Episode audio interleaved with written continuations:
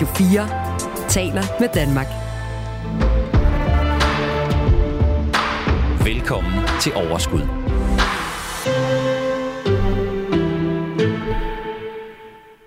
I dag der skal vi simpelthen tale om nogle af de ting, der foregår lige for ørerne og for øjnene af os. Vi øh, skal blandt andet dykke lidt ned i øhm, det her med øh, banker og etik. Jeg tænker, at rigtig mange af jer, I har øh, i hvert fald hørt om den TV2-dokumentar, som lige nu øh, er aktuel. Den hedder Saxo Bank bag facaden. Øhm, Danske Bank har også været noget ude, ude i noget af et stormvær, men hvad øh, handler det her egentlig om, og hvad har det af betydning for os alle sammen, når vi så vælger vores banker eller aktiedepoter øh, efterfølgende?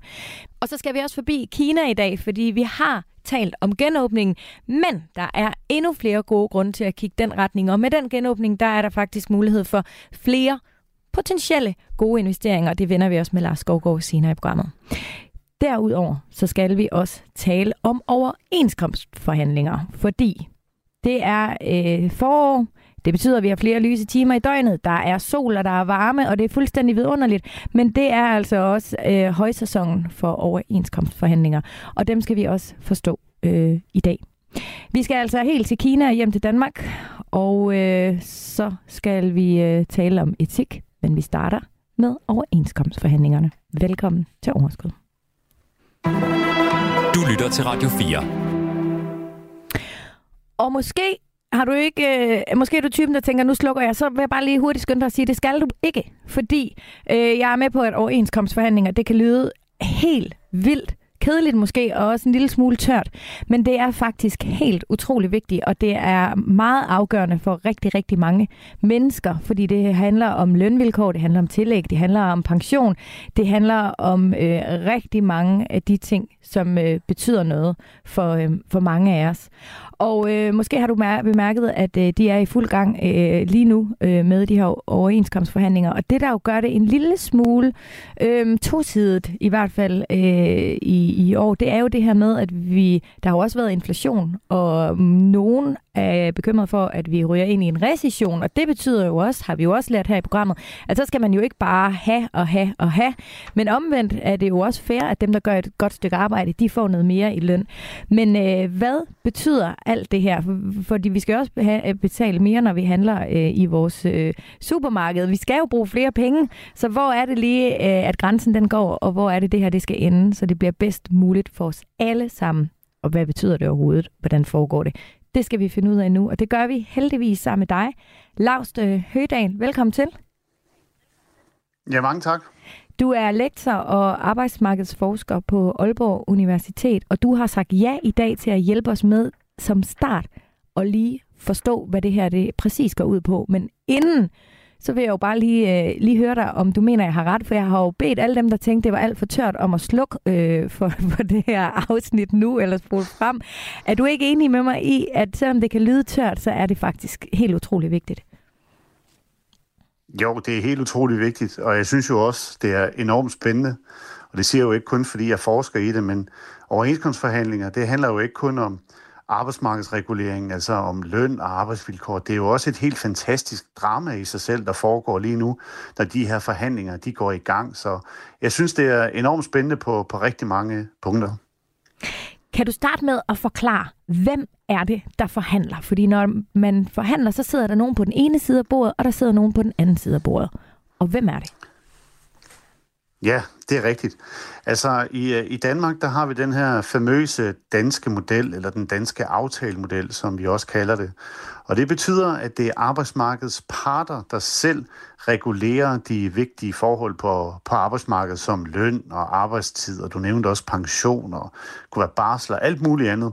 Og arbejdsmarkedets parter, det er altså arbejdsgiver, og når det er i den private sektor, så er det de private arbejdsgiverforeninger, som repræsenterer en masse virksomheder. De sidder på den ene side af bordet, og så er det fagforeninger, der sidder på, på den anden side af, af bordet, som repræsenterer øh, lønmodtagerne. Og det er dem, der forhandler lige nu.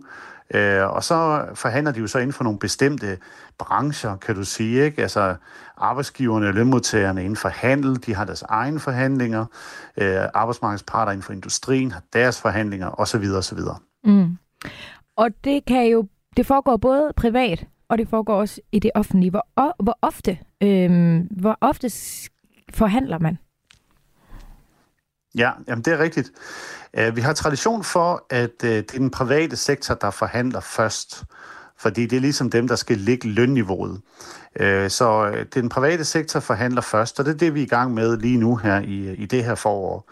Uh, næste år, der skal den offentlige sektor så forhandle. Så de plejer at forhandle med sådan et, et år for skudt. Øh, og hvor tit de forhandler, det afhænger helt af, hvor lange de overenskomster, øh, de aftaler, de er. Så det, man har aftalt nu på det private område, det er en toårig overenskomst. Og det betyder jo så, at næste gang, at de skal til forhandlingsbordet, det er så om to år. Vi har også haft treårige overenskomster, og det er faktisk det, vi har haft de sidste mange gange. Vi har også nogle gange været helt nede på en etårig overenskomst. Så det, det er helt op til parterne. Og der er flere forhold, der bestemmer det. Det er noget omkring de økonomiske usikkerheder osv., men, men, men to år for nuværende. Okay, så det indgår faktisk også som en del øh, af forhandlingerne.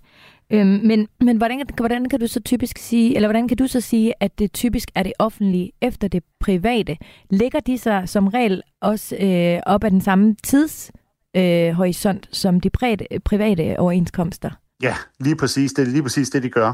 Så nu har parterne her i den private sektor, de har aftalt en toårig aftale, og så vil øh, de offentlige parter også tilsvarende lave en, en toårig aftale. Så de, øh, de lægger sig i slipstrømmen på, øh, på de private aftaler. Okay. Og nu siger du, at nu har de, altså fordi der, er jo, der kommer jo flere overenskomstforhandlinger til, øhm, og jeg forestiller mig, at grunden til, at du kan sige, at det har de, og det så ligesom er udgangspunktet, det er fordi, der er noget, som hedder genbrudsforliget. Er det ikke korrekt forstået? Jo, jo, lige præcis. Altså, vi har tradition for, at det er parterne, altså arbejdsgiver, organisationen og så lønmodtagerne, på industriens område, der laver gennembrudsforliget. Og, øh, og det har vi en tradition for, som går ret langt tilbage. Det har ligesom været normen eller kutumen siden slutningen af 80'erne. Og det er fordi, at det er vores industri, som er mest konkurrenceudsat på et internationalt marked. Så derfor giver det god mening, at det er industrien, der så at sige laver det første forlig, der sætter mærket, eller man kan sige, at de ligesom sætter rammen for de andre områder, fordi det netop er dem, der er meget udsat for den internationale lønkonkurrence. Altså, vi er jo en lille åben økonomi i Danmark, og vi er helt afhængige af at have stor samhandel med, med udlandet. Øh, og derfor er det rigtig smart, at det er, det er den industri, som handler mest med udlandet, som får lov til ligesom at svinge takstokken, når det handler om, hvordan skal lønudviklingen se ud på hele arbejdsmarkedet. Altså, jeg vil bare gerne sige, at allerede nu har jeg lært øh, utrolig meget, som jeg ikke anede noget som helst, og det er jeg overhovedet ikke bleg for at indrømme.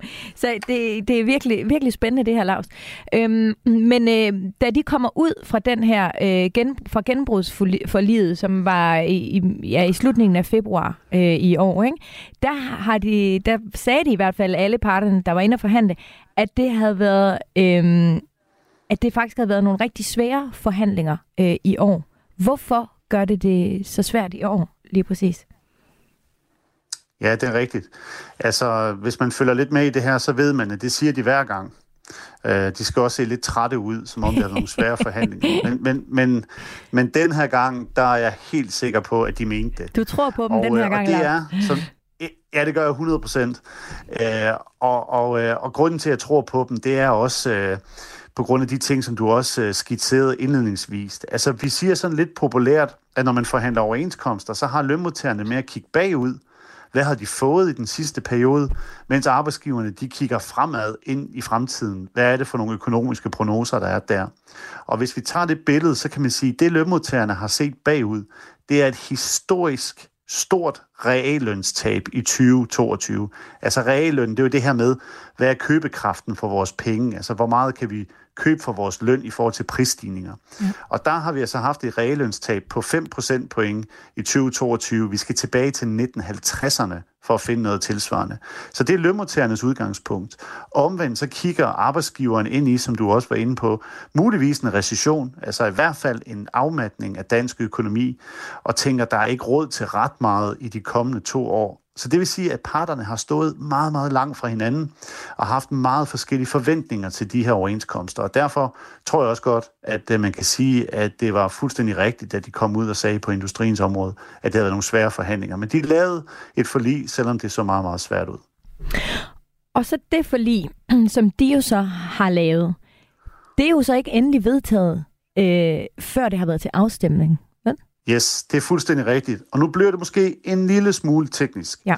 Men det, der sker på det her private område, det er, at der er en masse af de her områder, der selv laver forlig af egen kraft, og så er der nogen, der ikke kan blive enige. Og dem, der ikke kan blive enige, de varsler så konflikt. Det er sådan en helt normal procedure. Men så skal de ned i det, der hedder forlisinstitutionen og forhandle videre, hvor forlismanden skal prøve at, at hjælpe dem til at nå et forlig. Så sker der det nede i forlisinstitutionen, at der sidder det, der hedder hovedorganisationerne. Og det er Dansk Arbejdsgiverforening og Fagbevægelsens hovedorganisation, som ligesom er, kan man sige, fagforeningernes fagforeninger og arbejdsgivernes arbejdsgiverforening. De har sådan et overordnet ansvar. Og på et tidspunkt, så nikker de til forlismanden, som der så stopper forhandlingerne, og så fejrer de sidste områder, som ikke er kommet i mål selv, op i sådan et mailingsforslag, som der så bliver sendt til afstemning for alle områderne. Og det er den afstemning, som kan gå hen og blive rigtig, rigtig spændende. Okay. Men når de nu er kommet ud, og de øh, mener, at de ved egen hjælp, uden at komme i, i det her, øh, at, de, at de er blevet enige, skal det så stadigvæk til afstemning? Ja, det skal Ja. det. Og det, der er det særlige, det er, at det er alle områderne, der stemmer sammen. Så det er en samlet afstemning. Og det er også derfor, vi altid taler om stor konflikt på det private arbejdsmarked. Det er simpelthen knald eller fald. Enten får vi arbejdsfred for hele det private arbejdsmarked, eller så bliver det sådan en stor konflikt, der, der kommer til at vedrøre alle. Og sidst vi havde sådan en, det var altså i, i 1998, hvor, hvor medlemmerne øh, stemte forlidet ned, og så fik vi altså den her konflikt. Så det er derfor, vi taler om stor konflikt. Det vil sige, at industrien øh, kan være øh, tilfredse, men transportområdet er ikke. Altså, og så bliver det stemt ned. Ja, altså du kan sige, det er det samlede flertal, der bestemmer. Så, øh, så lad os tage et eksempel. Øh, Danmarks største fagforening, 3F, øh, de har det faktisk med at stemme nej. Men selvom øh, der er et flertal, der stemmer nej i 3F, så får de aftalen alligevel, fordi der er et samlet flertal. Altså der er rigtig mange fra Dansk Metal, HK, som stemmer ja, og så er det altså det samlede flertal, der bestemmer, om det bliver forlig eller et forlis, og dermed øh, konflikt. Okay. Men så kan du så forklare, fordi det er jo ikke mange år siden, det kan jeg huske, at for eksempel sygeplejerskerne, de nedlagde øh, arbejdet. Er det noget andet inden for det offentlige? At det ikke er alle faggrupper samlet? Eller Yes, ja, og det er der, det bliver lidt kompliceret. om det er okay, Fordi, bare du forklarer øh, det stille off- og roligt og langsomt, og det er du god til. Øh, I den offentlige sektor, der er det lidt anderledes. Man kan sige, at det samme princip gælder faktisk for staten i den offentlige sektor. Så øh, de fagforeninger, der forhandler på statens område, de samler også deres resultat. Så, så hvis, hvis øh, det bliver konflikt på statens område, så er det også hele staten, der kommer i konflikt. Så er det altså ikke kun øh, djøfferne eller øh, lægerne, eller hvad det nu kan være. Så er det alle, der arbejder i staten. Men det på, på det kommunale og det regionale område, der gælder nogle særlige regler, mm. hvor man faktisk kan stå af forhandlingerne, som sygeplejerskerne gjorde i to, 2021, og gå i strække øh, alene. Men man kan også, hvis man er arbejdsgiver, faktisk isolere en øh, lønmodtagergruppe, som vi så med lærerlockouten i 2013, hvis der er nogen, der kan, der kan huske den konflikt. Så der gælder altså nogle andre regler lige præcis på det kommunale og regionale område, der gør, at vi godt kan få de her øh, enkeltkonflikter, hvor det er for eksempel sygeplejerskerne, så kommer i konflikt, eller lærerne, der bliver øh, lockoutet. Når vi så kigger på indholdet af de her øh, forhandlinger, så den her øh, gennembruds, eller gennembrudsforledet, som jo var den her øh, aftale for industrien fra februar i år, øh, der handlede der handler det selvfølgelig meget om løn, fordi at vi som øh, lønmodtagere vil gerne have flere penge, fordi guldrødderne koster mere, og alt andet jo også koster mere. Ikke? Øhm, og den her aftale, den øh, betyder, at lønnen den vil stige mindst 4% over to år for medarbejderne inden for industrien. V- altså, er det nok for medarbejderne, og er det, er det, øhm, er det stadig begrænset, sådan at vi øh, ikke skal være bekymrede for virksomhederne og recession? Altså, hvordan, hvordan vil du vurdere det landet? Ja, altså det, øh, det er jo først og fremmest et kompromis mellem parterne. Men det er klart, at de har haft en, en lidt smal landingsbane den her gang, ikke på grund af de her øh, mange hensyn, de skulle tage. Men, men de har landet her, og, og det er jo fordi, de er tilfredse begge parter, selvom de har måske har skulle flytte sig rigtig, rigtig langt. Øh, det, man skal huske på, der er med industrien, og det er også igen noget af det, der er lidt teknisk, men det er, at industrien er et såkaldt minimallønsområde. Så det kan godt være, at der står en lønstigning på 4% i forliget, men der er en forventning om, at man henter meget hjem ved nogle efterfølgende lokale forhandlinger ude på de enkelte arbejdspladser. Det er faktisk sådan i minimallønssystemet, at omkring to tredjedel, måske endda lidt mere, faktisk bliver forhandlet hjem ude på arbejdspladsen. Så der er stadigvæk meget arbejde i forhold til de lokale mm. forhandlinger, hvor man skal hente meget hjem, som også skal være med til at, at sikre realløn, og måske også indhente noget af det tabte, man har haft fra, fra 2022. Men så bliver jeg nødt til at spørge dig, Laust, er det ikke en lille smule tavligt over for alle dem, der skal forhandle efterfølgende, at det så har været gennembrudsforlidet, hvis de kan sige, nej, det er fint med 4%, fordi vi kan hente noget mere andre steder, eller har de alle sammen det her minimal... Hvad var det, du kaldte det? Minim... Ja, minimallønssystem. Ja, altså de fleste har et minimallønssystem. Det dækker faktisk omkring 80% af det private arbejdsmarked. Men der er også et andet øh, lønsystem. Det er det, vi kalder normallønssystemet. Og det er så de sidste cirka 20 procent af arbejdsmarkedet. Og i normallønssystemet, der øh, aftaler man meget mere af lønnen ved de her centrale aftaler. Der findes ikke ret meget at hente ude ved de her lokale forhandlinger. Og normallønssystemet, det dækker blandt andet transport. Det er sådan det første område, vi plejer at sige, der så laver øh, det, vi kalder det lille gennembrudsforlig, altså det første forlig på normallønsområdet, og så kommer de andre normallønsområder øh, typisk efterfølgende. Og det er sådan noget som slagterier, det er også et normallønsområde eksempelvis. Så, så vi har de her to lønsystemer, men, men minimallønsystemet er altså det dominerende, det er cirka 80% af arbejdsmarkedet, og derfor vil de andre områder også bare læne sig op af industrien, hvor normallønsområdet kan godt bruge industriens gennembrudsforlig til noget, men skal alligevel finde deres eget forlig, fordi de netop har så meget af lønnen i de her centrale aftaler. Kan man med andre ord sige det sådan, at øh, i overenskomstforhandlingerne, der er det sådan en generel øh, lønstigning, som alle kan se ind i, og det her minim, minimal løn, jeg, jeg ved ikke, hvorfor jeg ikke kan huske, hvad det hedder, men du ved, hvad jeg mener, øh, at det er der, hvor jeg går op til min chef og prøver at presse ham lidt hårdere end min kollega. Ja, det kan du godt sige. Altså, øhm, det der gælder i det her minimallønssystem, øh, det er sådan set, at man har det, vi kalder en aftaleret ude lokalt også. Så, så du har ret til at forhandle lokalt, og man har også en forventning om, at man skal lægge noget mere på ude ved de her lokale forhandlinger. Men det er noget af det, der har været lidt spændende ved de her forhandlinger, det er, at lønmodtagersiden på industriens område, inden forhandlingerne gik i gang, var ude at sige, at de synes ikke, at det her system det fungerer godt nok. De mener, altså lønmodtagerne, at de altid skal levere noget, når det er krise, men de får ikke et overskud, når det så går godt. Og det er først og fremmest fordi, ved de der lokale forhandlinger, når du skal snakke med din, øh, din chef, eller hvem det nu skal være, så må du ikke nedlægge arbejdet. Altså konfliktretten, retten til at strække, de gælder ikke ved de lokale forhandlinger. Så, så man, kan, man kan ikke og må ikke som lønmodtager ligesom lægge magt bag ordene og sige, så nedlægger vi arbejdet. Og det er forskellen på de lokale mm. forhandlinger og så de centrale. Nu er jeg, jeg er medlem af Journalistforbundet, fordi jeg arbejder som øh, journalist, øh, men der er jo nogle af mine kollegaer, der ikke er, øh, og sådan er det jo alle brancher, det er jo ikke alle, der er medlem af et forbund, men det her, det inkluderer alle, uanset om man er medlem eller ej, men så har man ikke stemmeret. Er det rigtigt? Ja, altså det er, det er også lidt teknisk. Men hvis vi er på en arbejdsplads, hvor der er en kollektiv overenskomst, det er det, det, er det vi forhandler om her, ja. så er det rigtigt nok, så behøves man ikke at være medlem af den fagforening, der har forhandlet overenskomsten, for at få de goder, de lønstigninger, der ligger i overenskomsten.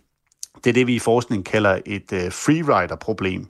Altså i Danmark, der har vi områdeoverenskomster, som dækker alle, der arbejder inden for området, uanset om man er medlem af en fagforening eller ej. Men du kan jo også godt være på en del af arbejdsmarkedet, hvor der slet ikke er en overenskomst. Og det er der jo rigtig mange journalister, der arbejder under. Mm. Mange journalister, også freelancer for eksempel, altså måske har sit eget CVR-nummer. Og så kan du sige, så er du ikke direkte omfattet af overenskomsten. Så er du ikke dækket af en overenskomst.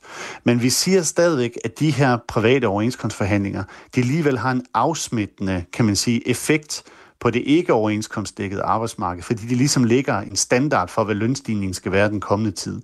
Så mange vil følge de her lønstigninger, også selvom der ikke er mm. en overenskomst. Og måske en lille opfordring her til at melde sig ind i øh, fællesskabet. Men øh, hvad hedder det? Jeg kunne godt tænke mig bare lige at høre dig. Hvor, hvor tror du, det her det ender? Tror du, at de stemmer øh, ja til det her, når de trods alt ser ind i 4% øh, lønstigning øh, med de tider, der er nu? Eller tror du, vi ender i en stor konflikt? Ja, det er det gode spørgsmål. Altså, øhm, chancen for en stor konflikt, den er bestemt til stede. Altså, den sidste store konflikt, vi havde, det var som sagt i 1998. Og vi har haft sådan en stor konflikt, sådan cirka hver 16 øh, år siden 2. verdenskrig. Ikke? Så det er ved at være op over, statistisk set i hvert fald. Ja. Men øh, når det så er mm. sagt, så, så tror jeg i hvert fald, hvis man lægger øret på, på vandrørene, og det gør jeg jo meget, øh, så virker det som om, at der er ret stor tilfredshed med det her forlig i baglandet. Men der er en joker, og den joker, den hedder Stor Bededag. Ja. Fordi vi fik jo afskaffet den her øh, helligdag øh, midt under de her overenskomstforhandlinger. Og det er jo noget, der kommer fra Christiansborg, men spørgsmålet er, øh, om, øh, om lønmodtagerne kan finde på at bruge deres stemme til, det her, øh, til den her overenskomst, øh, det her overenskomstforlig, som en slags proteststemme imod afskaffelsen af Stor Bededag. Og hvis de gør det, jamen så kan det godt gå hen og blive øh, rigtig, rigtig spændende øh, med resultatet. Lars, er det ikke en lille smule spændende tid at være arbejdsmarkedsforsker i lige for tiden? Jo, det er, det er enormt spændende. Øh, det er det. Altså, det er jo altid spændende at være arbejdsmarkedsforsker, men det er klart, det bliver altid lidt ekstra spændende, når der mm. er øh, overenskomstforhandlinger. Lars Høgdal, øh, tak fordi du vil øh, være med i dag, lektor fra Aalborg Universitet. Tak for at, at gøre det meget forståeligt og overskueligt. Jeg lærte en masse. Tak skal du have. Jamen, det er jeg glad for. Tak fordi jeg må være med. Selvfølgelig. Du lytter til Radio 4. Måske har du set den, og måske har du ikke, men jeg tør næsten garantere for, at øh, du har i hvert fald hørt om den. Det handler om dokumentaren Saxo Bank bag facaden, som lige nu kan ses på øh, TV2 Play. Der er, øh, jeg ved, at der er rigtig mange af jer, mig selv inklusiv, som bruger øh, Saxo Bank som investeringsplatform. Ifølge TV2 så viser dokumentaren, at Saxo Bank har haft et tæt samarbejde med banker i Østeuropa, som er blevet brugt af russiske oligarker til potentielt at hvidvaske milliarder. Vi skal lige huske på, at der er ikke noget, der er øh, bevist, øh, men der er lige en gråzone her, som øh, vi i hvert fald... Øh, det, det kan, der er nogle ting, der øh, tyder på, at der måske kunne have været foregået noget. Du skal passe på, jeg ved ikke lige, hvordan... Men Simon, er det ikke okay sagt på den måde, ikke? Godt. Øhm, I hvert fald så er det sådan kort fortalt, at Saxo Bank de har stillet deres handelsplatform Saxo Trader til rådighed for banker i blandt andet Østeuropa, så deres kunder de kunne handle aktier og andre finansielle produkter på Saxo Banks øh, server i København op igennem nullerne. Og det er altså her, i og med, at det har været andre banker, de har solgt, øh, hvad skal man sige, platformen, eller muligheden for at bruge platformen til, så har det ligesom været deres ansvar holde styr på det, men hvor ligger det egentlig ansvar, egentlig når det er Saxo Banks øhm, handelsplatform. Øh, det er heller ikke øh, lang tid siden, vi har hørt om, at øh, Danske Bank jo også har en stor øh, hvid, hvidvask Nu siger jeg også, det skal jeg også passe på med. Danske Bank har en hvidvask-sag, hvor de faktisk har erklæret sig skyldige og betalt en øh, stor øh, øh, bøde for, øh, for det.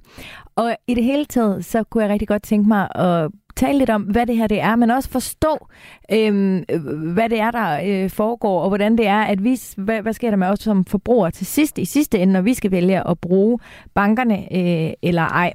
Og jeg har spurgt på vores Facebook-gruppe, der hedder Overskud Radio 4, øh, om det betyder noget, øh, i forhold til, når vi skal vælge vores banker. Og der skriver Ditte Larsen blandt andet, jeg har forladt Danske Bank af netop den her årsag. Tinus Nielsen skriver, at bankerne har et ansvar for, hvordan deres platform bliver brugt eller misbrugt, men jeg synes nu, at alle bankerne har deres skandaler. De er alle banksters synes jeg er meget fedt ord. Simon Martini, han skriver, nu fjerner jeg lige en bid af den etiske del af spørgsmålet, og måske kommenterer som professionel og privatperson. Men øh, jeg synes, man skal embrace, når nogle banker kommer ud i en shitstorm af en eller anden årsag. Grunden er simpel, fordi de banker, som lander i sådan en omgang, er dem, som er nødt til at gøre noget ekstra for deres nye kunder. Hvis du som privatperson lægger dine følelser til side, så kunne det jo være til din egen fordel, hvis du håndterer det korrekt. Så du skal nærmere vurdere, om din egen etik eller din private økonomi har størst betydning. Så svaret er ja, det har betydning. for mig, men nok i en lidt anden retning øh, end andre, som siger ja. Men jeg har også selv 15 års erfaring fra bankernes side af bordet, så jeg kender det godt indefra. Og det var altså nogle af de input, som vi har fået fra jer lyttere. Øhm, og tusind tak øh, for dem. Men øh, nu kan jeg også øh, byde velkommen til en, som har i hvert fald øh, temmelig meget styr på det. Fordi øh, Anders Heide øh, Mortensen, du er kommentator på øh, Finans. Velkommen til Overskud. Tak. Øhm, nu er jeg, altså jeg, jeg, jeg er jo en lille smule bekymret for, om jeg siger noget forkert, fordi der er jo ikke noget, der som sådan øh, beviser noget, og jeg skal jo ikke sige, at noget, nogen har gjort. Øh, og jeg håber, at du kan hjælpe lidt med at, at afklare det lidt, men føler du, at jeg har sagt noget, der var forkert indtil videre? Nej, det synes jeg faktisk ikke, du har. Øhm, man kan sige, at Danske Bank har jo indrømmet, øh, ja. at de har haft et problem og har betalt en bøde. Øh, så der står den. Øh, den er ligesom øh, krydset af, ikke? Øh, mens øh, Saxo Bank øh, jo øh, forløbig ikke rigtig kan beslutte sig til, om de har øh, gjort store forretninger med øh, oligarklignende personer i Østeuropa, eller de ikke har. Det er jo der, øh, de to ejere ikke er helt enige med hinanden. Ja, fuldstændig, fordi jeg har set dokumentaren, og, og, og, og mere end meget andet, så er det jo sådan en børnehave, altså hvor der sidder to voksne mennesker og siger, nej, det passer ikke, det var sådan her, ej, han lyver. Altså, det er ikke de ord, de bruger. Det er jeg helt med på. Det er lidt mere sofistikeret end det. Men det er ja, jo ja. sådan en, øh, det passer ikke det, han siger, det passer det, jeg siger. Altså, kan du hjælpe med at lige fortælle, hvad er det, den her dokumentar forsøger at tegne et billede af? Altså, når det gælder, hvad der er, når det gælder Saxo Bank og de her banker i Østeuropa? Ja, øh, det der er krogen i den her historie, det er, øh, ifølge dem, der har lavet dokumentarudsendelsen, at Saxo Bank har tjent store penge på at lave forretninger med suspekte russere. Altså det er, hvis vi koger historien, dokumentaren ned til øh, en lille markedsærning, ikke? Det er de her suspekte russere, som har lagt en masse penge i Saxo Bank, for at de kunne få vasket nogle sorte penge. Øh, det, øh, det er det, historien handler om sin kerne.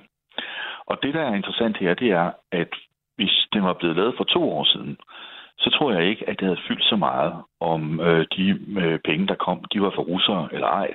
Men nu har alt, der er russisk, jo fået en særlig klang efter øh, invasionen for et år siden. Og det er her, den lige pludselig får noget modhag.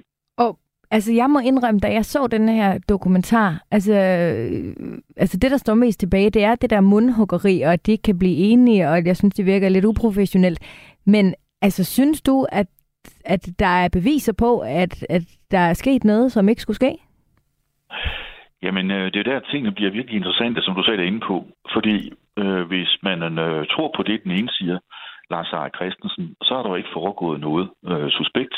Så har der måske været nogle enkelte øh, russiske og østeuropæiske kunder, men ikke mange. Men hvis man tror på den anden ejer og stifter, Kim Fonet, han siger jo, at russere og andre østeuropæere udgjorde en væsentlig del af de kunder, man brugte til at bygge forretningen op på. Og så står man med en anden bank jo. Øh, så står man med en øh, virksomhed, som måske for at vokse og udvikle sig og blive global, har taget nogle kunder ind, som man burde have holdt fingrene fra, fordi deres penge er beskidte.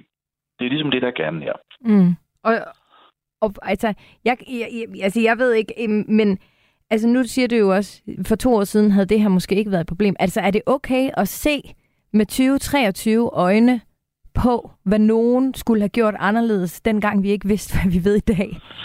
Ja, men det er det, øh, du stiller selv de, øh, det interessante spørgsmål her, fordi der kan man ligesom både på, stå på venstre og højre ben. På den ene side, så kan man sige, at hvis det er rigtigt, at banken er blevet brugt til hvidvask, øh, Saxo Bank, så er det ikke så afgørende, om det øh, er noget, der bliver dokumenteret for to år siden, eller noget, der bliver dokumenteret i dag. Det er sådan det ene ben. Men det andet ben, der kan vi sige, russere har jo fået en... Øh, alt, der er russisk, har fået en anden klang i dag. Mm. Øh, vi prøver at lægge alt muligt afstand til danske virksomheder, der fortsat gør forretninger i Rusland. Øh, vi hører om almindelige russere, der bor i Danmark, der har fået problemer. Så man kan sige, at Saxo Bank de bliver lige pludselig fanget af, at de har en fortid, hvor måske øh, rige russere har spillet en stor rolle i opbygningen af virksomheden. Så hvis den var blevet lavet for to år siden, så tror jeg ikke, at man kunne have brugt det som den store krog. Der er noget russisk over øh, hele øh, vækstrejsen, men det kan man i dag. Hvis vi så springer over til den sag, der har været om Danske Bank, som jo har indrømmet og som har betalt en, en stor bøde. Øhm, ja.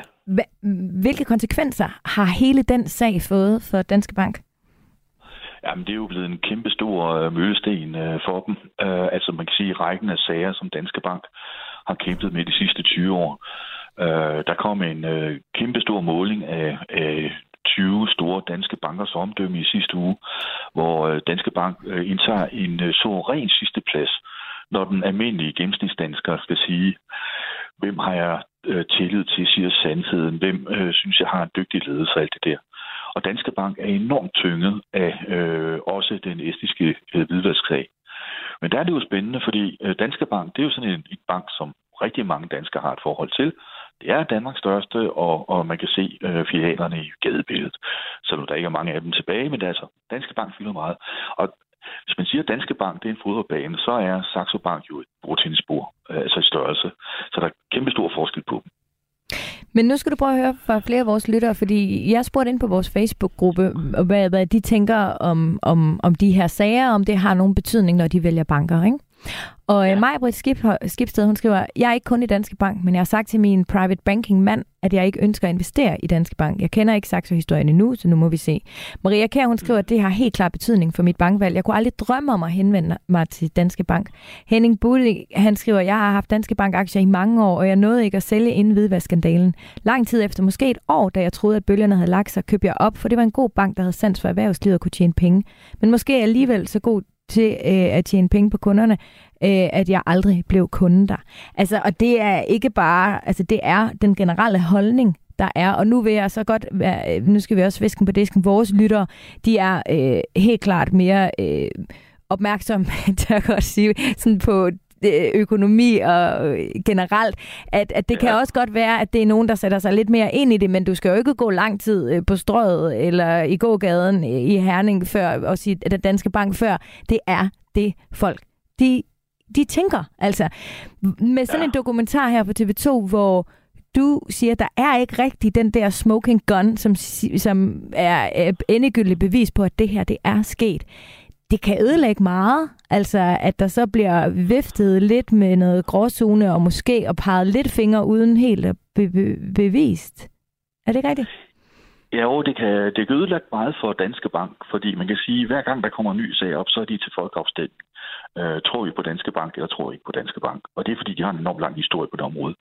Men tingene er anderledes for øh, Saxo Bank, fordi Saxo Bank er en nichebank øh, for folk, der godt kan lide at investere, og nogen vil sige spekulere i øh, meget øh, fascinerende øh, finansielle produkter, som herre fru gennemsnit ikke engang aner, hvad er. Ikke? Og det segment, som går i Saxo Bank for at investere nogle penge, de ligner altså ikke øh, den gennemsnitlige danske bankkunde. Og det er den store forskel. Og der tror jeg, at Saxo Banks kunder, altså nu gør vi det sådan stort rundt og øh, gennemsnitligt, men som helhed er ret ligeglade med, øh, hvad det er for nogle penge, øh, som øh, Saxo Bank har bygget på, om de er kommet fra Østeuropa eller ej. Det tror jeg. Jamen, øh, det bliver i hvert fald spændende at se øh, følge den her sag, øh, hvad, der, hvad, hvad det næste skridt det bliver, om den ligesom bare øh, dør ud der, eller om, øh, om der er nogen, der på den ene eller den anden side øh, siger, at jamen, du havde ret. Det må vi i hvert fald se på. Men Anders øh, Mortensen fra Erhvervsmediet Finans, tusind tak, fordi at, øh, du ville komme. Du er også kommunikationsrådgiver, ikke? Ja. Ja, ja. du er det hele. Imponerende CV. Lidt af hvert. Lidt af hvert. Du skal i hvert fald have mange tak, fordi du vil være med i dag og gøre os en lille smule klogere. Selv tak. Du lytter til Radio 4. Og øh, fra Danske Bank øh, og Saxo Bank til Danske Bank, fordi nu skal vi nemlig tage temperaturen på aktiemarkedet, og vi skal også tale lidt om Kina. Og selvom øh, Danske Bank har haft øh, meget øh, møg øh, med sig igennem tiderne, så har de i hvert fald også minimum en god ting, og det er dig, Lars Skovgaard. Hej med dig.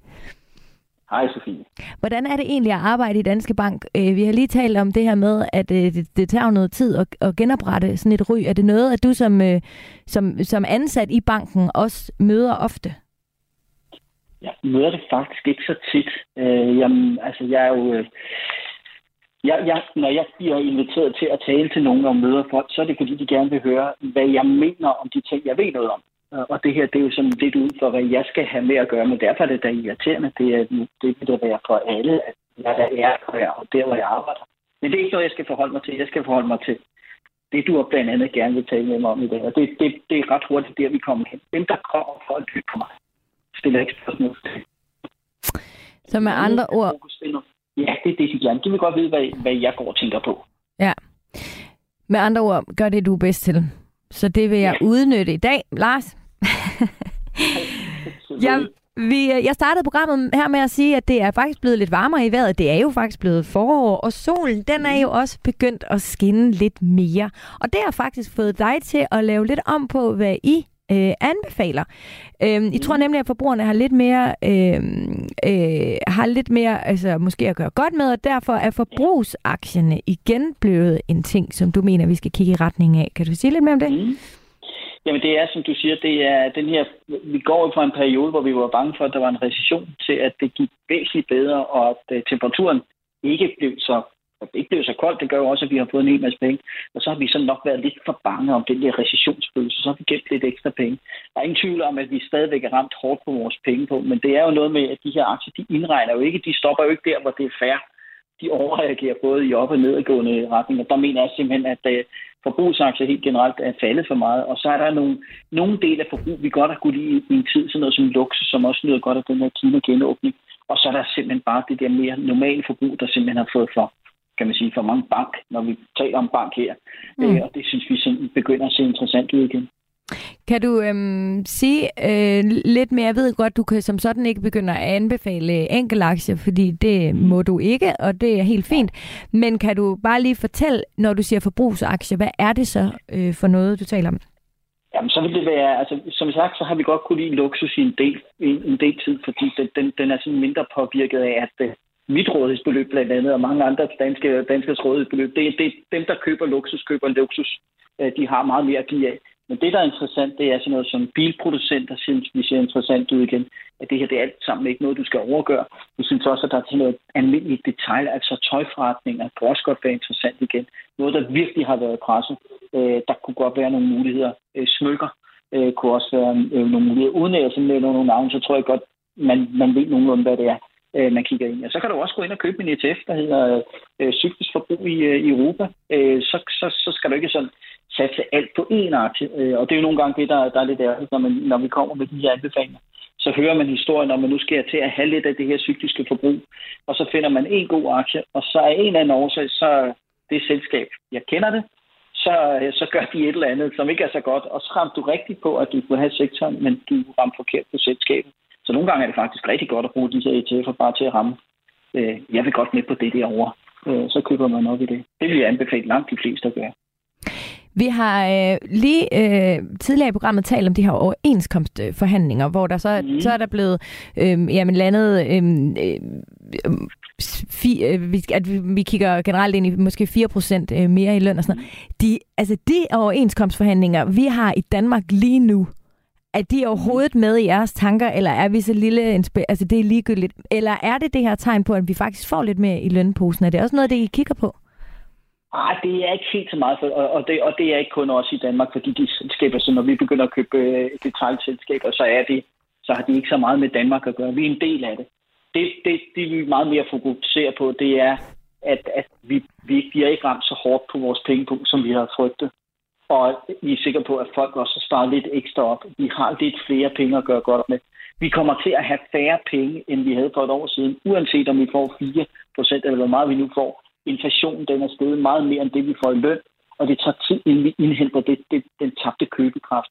Men det er primært fordi, at øh, det ser ikke ud, som om vi rammer en recession, som vi godt kunne have frygtet her i Europa. Det kan være, at den skal nok komme på et tidspunkt, Øh, og, og så er det helt øh, sikkert også fordi, at energipriserne er faldet så meget, så vi har lidt mere at give af. Øh, og det skal vi ud og bruge nogle penge. Vi skal ud og bruge nogle penge, og det tror jeg også, vi kommer til. Men så på det, når du, når du omtaler vi, hvem er vi? Det er alle os mennesker. Alle os danskere. Altså, vi har ikke, på hele jorden. Vi har ikke flere penge end... Ja, vi har, det, jeg siger, så er det altså alle sammen... Jeg prøver at generalisere lidt. Så mm. det, jeg siger, det er, vi har færre penge, end vi havde før. Men vi har nok flere, end vi regnede med. Altså, den her frygten for, at vi gik ind i, øh, i den her vinter, med, med, hvor vi skulle spare på energien, øh, vi skulle, vi skulle skulle øh, el og alt muligt andet. Altså den her frygt for den her vinter. Og så kommer vi ud på den anden side, og så lige får vi masser af penge tilbage, eller nogen får penge tilbage fra, fra gas. Der, og vi finder ud af, at så slemt var det egentlig ikke. Mm. Det giver alt andet lige sådan en lille optimisme. Vi kan også se på nogle af de her data, der, der fortæller om, hvad der bliver forbrugt. Der er der en lidt bedre end på vej. Og når jeg siger, at vi synes, at det er en god idé at begynde at have lidt mere forbrugsaktier i vores portefølje, så er det ikke noget med, at vi siger, nu skal du kun have forbrugsaktier, fordi det er slet ikke der, vi er henne. Som jeg siger, vi, er ikke, vi har slet ikke lige så mange penge, som vi havde før. Men de, aktierne de reagerer også nogle gange på, at det bliver meget værre, og der har de nok reageret på, hvordan de alle sammen havde det på vej ind i julen. At ja. Nu skal vi også til at spare endnu mere. Og så kommer vi her på, på den anden side af, af foråret, så, så er det ikke helt så slemt, som vi har frygtet. Så det er minimalt bedre. Og nogen, de vil måske, nogen Lars, de vil måske sidde og sige, øhm, at det er lidt risky det her at nu skal vi kigge på ja. forbrugsaktier, fordi vi har alle sammen stadig spændt livrenden fuldstændig ind, og vi betaler mm. stadig ufattelig meget for en lille bitte pose økologiske æbler i supermarkedet, ja. og benzin, og altså alle de her priserne, vi mærker det jo ikke. Men er det så ja. netop, fordi det, du taler jo ofte om det der med, at aktiemarkedet er et halvt år foran, hvor vi er nu? Ja, at der, helt, vi er helt enige om, vi har det værre, end vi har haft det før. Vi har det meget værre, end vi har, altså, vi har færre generelt. Alle sammen har færre, øh, færre penge, end vi har haft før. Det der er, det er, at aktiemarkedet reagerer også lidt på det sentiment, vi alle sammen oplevede, at det her, det var rigtig, rigtig slemt. Vi har stadigvæk færre penge, end vi havde da vi i december måned, men vi er lidt mere optimistiske, og det er det, vi kan se i dataene. Forbrugerne er en lille bitte smule mere optimistiske, og aktiemarkederne har det med at indregne bål og brand. Øh, så det her, det, og som jeg også siger, det her, det er ikke noget, du skal ud og købe bare køb de her forbrugsaktier. Det er slet ikke det, jeg taler om. Jeg taler om, at jeg har været meget negativ på dem. Og nu siger jeg, nu er det altså lidt bedre. Hey, det, det, det ser ikke ud som om, vi går ind i den her recession i Europa, i hvert fald ikke forløbig. Så skal vi altså ikke være så negative. Gå nu ud og se, om du kan finde et eller andet inde i det her segment, hvor du kan købe en enkelt aktie, hvis du vil det, eller hvis du har sådan en portefølje, der består af flere forskellige ting, hvis det er noget, du slet ikke har, så køb en lille bit smule i en ETF. Men du skal selvfølgelig gøre alt med måde, fordi Hvem ved, hvordan det, det bliver til næste vinter? Hvem ved, hvor meget vores gaslager bliver fyldt op? Øh, alle de her ting spiller ind. Ja, og så får vi lidt flere penge alle sammen, og det gør det også i Tyskland. Det gør det mange steder. Men vi oplever også lige i øjeblikket, at renterne fortsat stiger. Så det er ikke sådan, så det ser ud som om, vi får forfærdeligt mange flere penge lige her nu. Men et andet sted, hvor du så øh, er gået mere til en neutral anbefaling, det er jo faktisk mm. danskernes yndlingssektor, og som vi har talt rigtig meget om her på det seneste mm. også, sundhedssektoren. Der skal vi måske holde lidt igen nu. Hvordan kan det være? Jamen det er, øh, I mit, der, når, når jeg kigger på forskellige ting, jeg gerne vil have, så, øh, så er det jo så er det sådan mit job, der skal der kan jeg ikke bare lide alt. Så jeg, hvis der er noget, jeg kan lide... er det ikke nogle gange irriterende, Lars? ja, det er rigtig, rigtig irriterende, men jeg synes også, det giver god mening. Øh, sundhedssektoren er en sektor, jeg er stor fan af, og jeg tror på den på langt. Det er fantastisk. Jeg kan godt se det der krydslægt mellem sundhed og IT. Det er der, vi skal have fremtidens vinder. Jamen en gang imellem, så går det altså også bare rigtig, rigtig godt, og alle er eksponeret. Altså, øh, alle, der investerer, tror jeg, i hele verden, har fundet ud af, at det er godt at have sundhed, og godt at have det, der hedder stabil forbrug hvis man er på vej ud i en recession. Men hvis det er, at vi ikke kommer ind i den her recession, så er det måske ikke det, der kommer til at gøre det bedre end aktiemarkedet. Så det, jeg siger, det er, det kommer nok sådan til at gøre det ligesom markedet helt generelt, men det kommer ikke til at slå markedet. Og da alle, rigtig mange har købt det, så er der altså en risiko for, at du kan komme til at hænge der en tid og ikke få noget afkast på dine øh, investeringer i sundhed. Så derfor så skal du sidde og kigge ind i en portefølje. Har jeg fået alt for mange af dem, så skal jeg måske flytte nogle af pengene over i det her over i cyklisk forbrug, eller råvarer, eller energi. Nogle af de ting, der ligesom afspejler lidt mere den økonomi, vi er på vej ind i. Mm. Men øh, når vi så kigger altså lidt ud i verden, ikke? og nu skal vi jo vi skal mm. tale om øh, Kina lige om lidt, men jeg kunne godt lige tænke mig at tage et lille stop i Rusland. Fordi der har vi jo altså stadig en mand siddende derovre, som nu igennem lidt over et år har været i gang med øh, en krig øh, her i Europa. Og er det som om, at vi og dermed også markedet ligesom måske bare har vendet sig til det? Altså fordi man kan jo også gå med den følelse, at det kræver et tryk eller et, en, en ordre. Mm. Altså så ser det hele jo meget værre ud end, end, end, end i dag, hvor solen begynder at skinne, og du taler om lidt lysninger. Øhm, så øh, altså, har det slet ikke noget... Altså, hvor er vi med hensyn til det? Jeg tror lige i øjeblikket, specielt også som helt overordnet, så er de her finansielle markeder, de, er, de har det med at glemme hurtigt. Øh, og, og det sker også i forbindelse med krigen. Der er nogle andre ting, der faktisk er med til at få markedet til at være så negativt sidste år. En ting er krigen derovre, det, det er forfærdeligt, det skal vi lige være enige om, så det er ikke på nogen måde, jeg vil negligere det, der foregår. Det får nogle råvarer til at stige, og det giver noget usikkerhed i Europa, men det, der, der som rigtig ødelægger det sidste år, det er den amerikanske centralbank simpelthen misforstår, at amerikanerne kommer altså ikke tilbage og vil arbejde, medmindre de får meget mere løn. Øh, så de kommer som det dag efter kun og bliver nødt til at hæve renten en hel masse gange. Så det, der er, det er, at øh, vi, vi får sådan et, et pres op i renterne, som, bliver, som investorerne bliver fanget forkert af. Så spørger du, hvad sker der nu? Jamen, der er stadigvæk fokus på det, der sker derovre.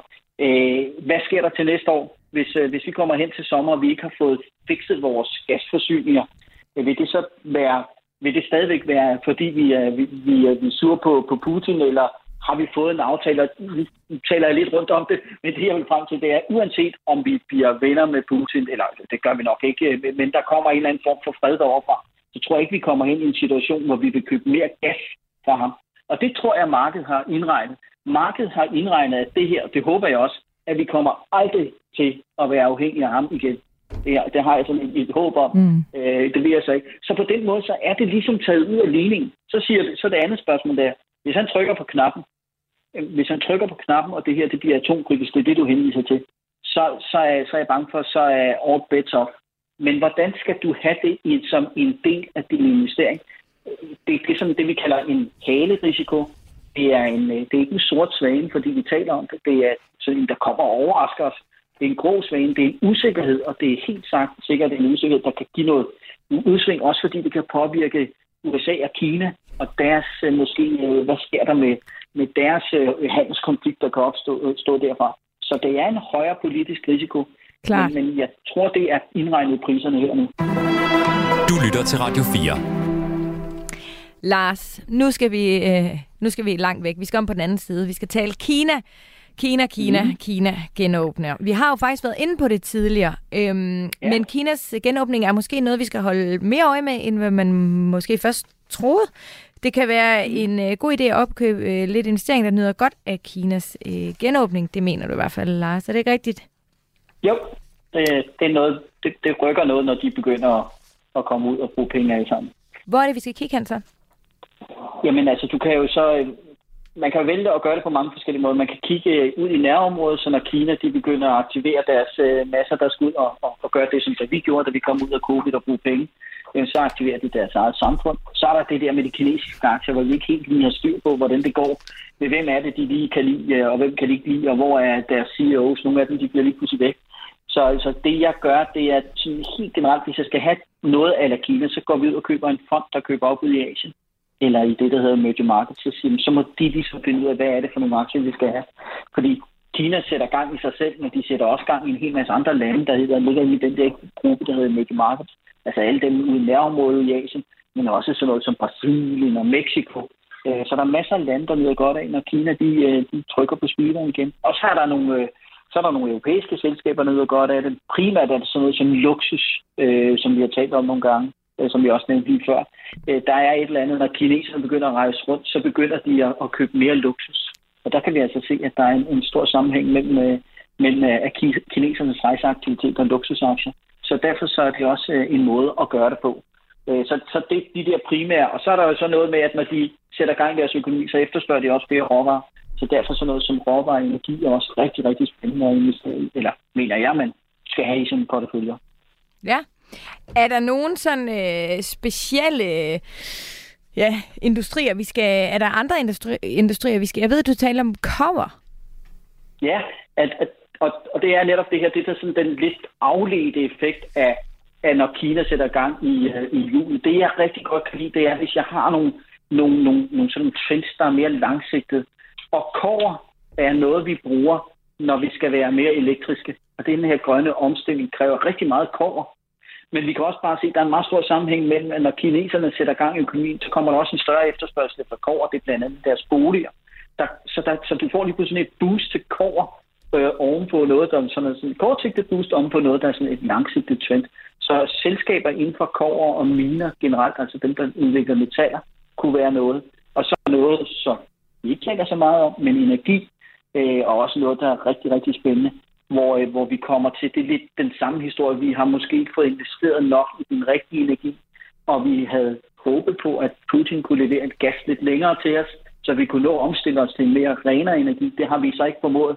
Men nu kommer kineserne også og skal have mere energi, så energisektoren vil også opleve sådan et, et langsigtet strukturelt trend underlevende behov er der for energi stadigvæk, og så kommer øh, det her behov, eller så kommer efterspørgselen på Kina.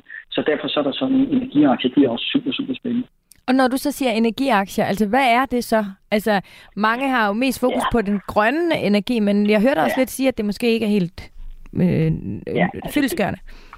Nej, jeg, jeg, tror, jeg tror, det skal man jo gøre op med, hvordan man har det selv. Jeg mener stadigvæk, at mange af de grønne investeringer er super, super interessante. Jeg håber, sådan, der kommer noget ind for brint, men det tager lidt tid. Jeg vil så gerne have, at vi kunne lære vores vedvarende energi, men indtil vi ligesom finder ud af at gøre det, så har vi altså lige meget, hvordan vi vil vinde og dreje det hele om, så har vi brug for noget, der ligesom er den der baseeffekt, som så når solen ikke skinner, eller dokker det. Så indtil vi ligesom får et bedre udbygget øh, alternativ energinet, så har vi brug for noget af det der sorte stas. Øh, og så kan man jo vælge at sige, det vil jeg overhovedet ikke have, eller også kan man vælge at investere, som, som, som jeg synes, at det, det, det har jeg det godt med, at investere i nogen, der øh, måske er lidt sorte i kanten, men som prøver at blive grønnere, som, som laver den her omstilling. Vi kan se, det er også dem, der bliver belønnet. Vi kan se sådan nogle store selskaber. Ja, det her det er ikke nogen anbefalinger, men sådan nogle som Total Energi, eller øh, Royal Dutch, de gamle, de hedder Shell, eller nogle af de norske og svenske energiselskaber, der kan vi se, at de går ind øh, og, og, og prøver at få mere og mere vedvarende energi i deres portefølje. Jeg tror faktisk, Total Energi var de første af de her energiselskaber til at skrive under på Paris-aftalen.